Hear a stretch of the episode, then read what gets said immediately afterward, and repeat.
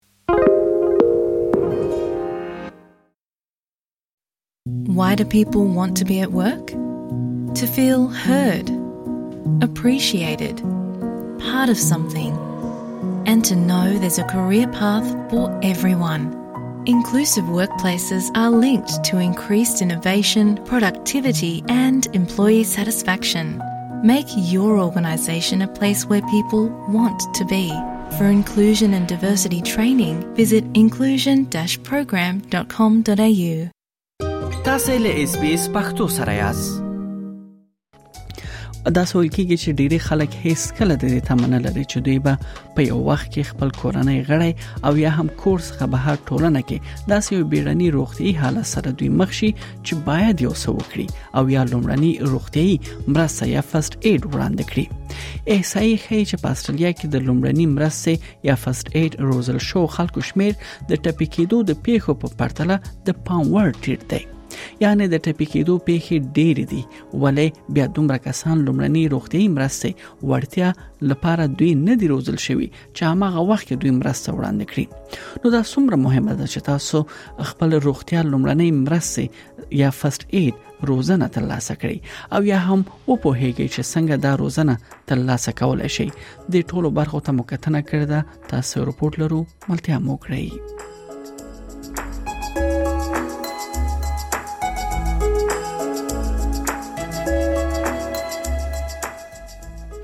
په 2018 کال کې سره صلیب د یوې سړنې لمخه موندلې دي چې استرالیا په نړۍ کې د لومړنیو مرستو یا فرست ایډ د روزنې تر ټولو ټیټه کچه درلوده سره لدې چې هر کال نږدې نیم میلیون کسان ټپي کیږي او روغتون ته لیږدول کیږي چې دا ټول ټپي کېدو سره لومړنۍ روغتي مرستو ته دوی هم اړتیا لري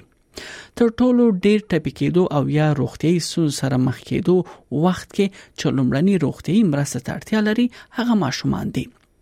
هر کال شپېته زره ماشومان په داس حال کې ټپي کیږي او یا روغتون ته وړل کیږي چې دوی لومړنۍ روغتيي مرستو یا فرست ایډ ته اړتیا لري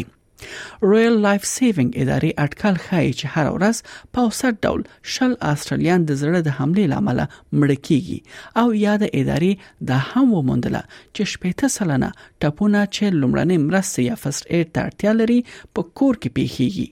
یو په دریو کې کارمندان بیا د ډاډ احساس کوي چې چیرې کاري چاپیریال کې لومړنۍ روغتي مرستې اړتیا پیښ شي نو دوی مرسته کولای شي یعنی دلته ښکاره اړتیا شتون لري چې د ژوند هر برخه کې د روغتیا لمړنۍ مرستو یا فرست ایډ روزنه او ذکر باید خلک یې ترلاسه کړي تر څو په کور او یا له کور څخه بهر خلکو سره د مرسته وکړي یا له هغه سره دوی کول شي ژوندونه وژغوري بیکریډ د شلو کلونو څخه ډیر وخت لپاره پیرامیډیک یا امبولانس برخه کې کار کاوه هغه لویدي سیدنی پانتون کې د پیرامیډیسن استاد هم دی هغه وایي که څه هم ډیری خلک د کار لپاره د اړتیا پرته د لومړنیو روغتیايي مرستو یا فرست ایډ روزنه نه اخلي خو په دې کار کې بیا نور ګټه هم موجود دي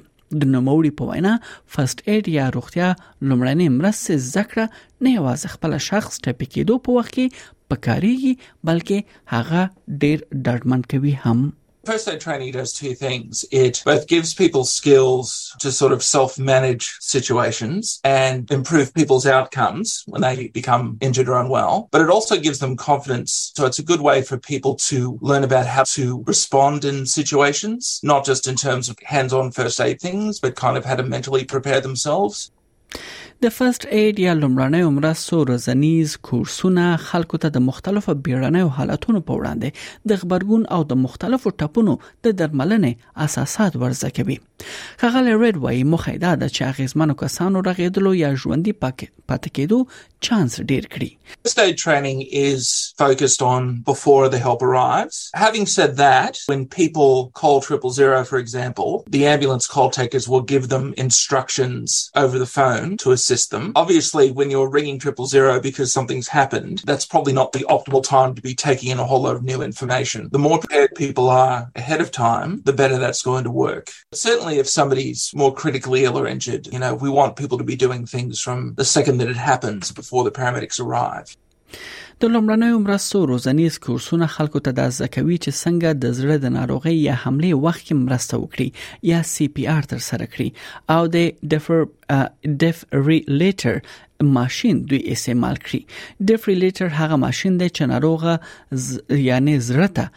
دوی شاک ورکولو سره هغه بیرته ځای ته راوړي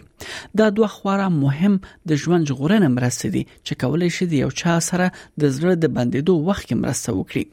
خغل ریډ وایي د سی پی آر روزنه باید د استرالیا د بیا رغونې شورای یا ای آر سی پروسیجرونه باید تعقیب کړي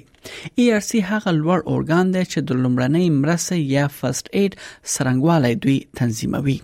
دا د شاوخوا شل غړو سازمانونو لخوا جوړ شوی یو اداره ده په شمول دی یعنی کالج اف امرجنسی یا هم د کانسل اف امبولانس اتوریټیز او د رائل لایف سیوینګ په څیر موسسې په دغه اداره کې شامل دي AIC guidelines represent the best available evidence for different first aid interventions. And that's the role of the AIC is create standardization so that organizations who teach first aid can easily reference good evidence. So people should find that courses should align with the AIC's recommendations. ډاکټر فینلی مکنیل یو جراح دی او د استرالیا او نیوزیلند بیا رغاوي شوراګانو لپاره د لومړنۍ مرستې یا د فرست ایډ فري کمیټې د کنوینیر هم دی هغه وایي چې دلته یو شمیر سازمانونه شتون لري چې د لومړنۍ مرستو روزنه وړاندې کوي St John is, numerically speaking, the largest teacher of first aid in Australia and in New Zealand, but there are multiple other teachers of first aid. Red Cross is a very good example, Surf Lifesaving, who there's Royal Life, all teach first aid, and in some states and territories, also ambulance authorities have taught first aid in the past, and some do still.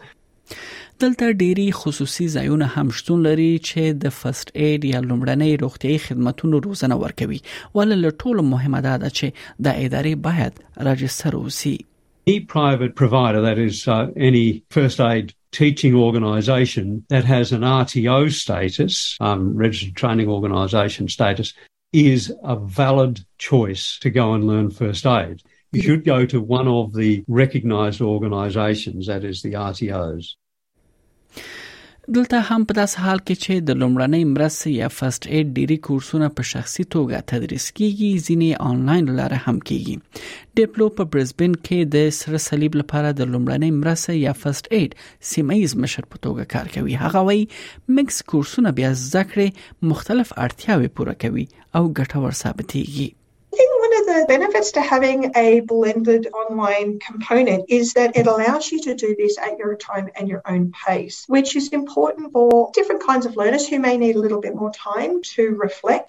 to absorb the information, and also allows to go back and reread and revisit some of that information. And we also, with the online learning component, have the functionality for closed captioning. So that can allow for the online component to also be translated over into uh, a multitude of different languages.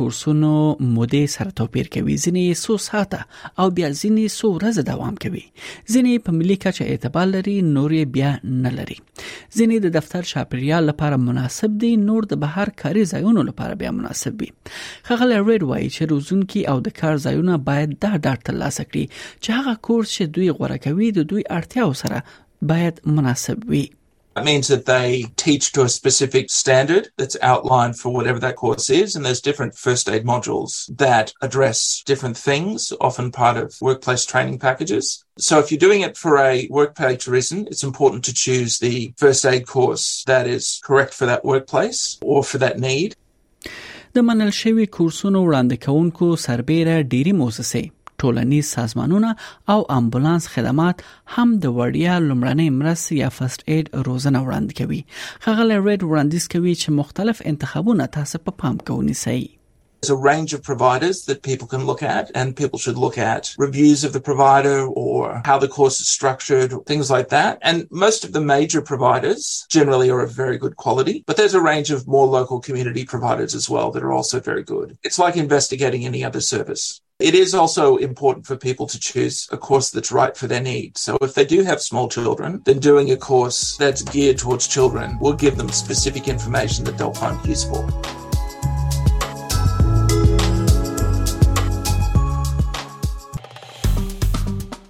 اس پی په فیسبوک کې تا کې پلی مطلب یو کړئ نظر ور کړئ او له نورو سره شریک کړئ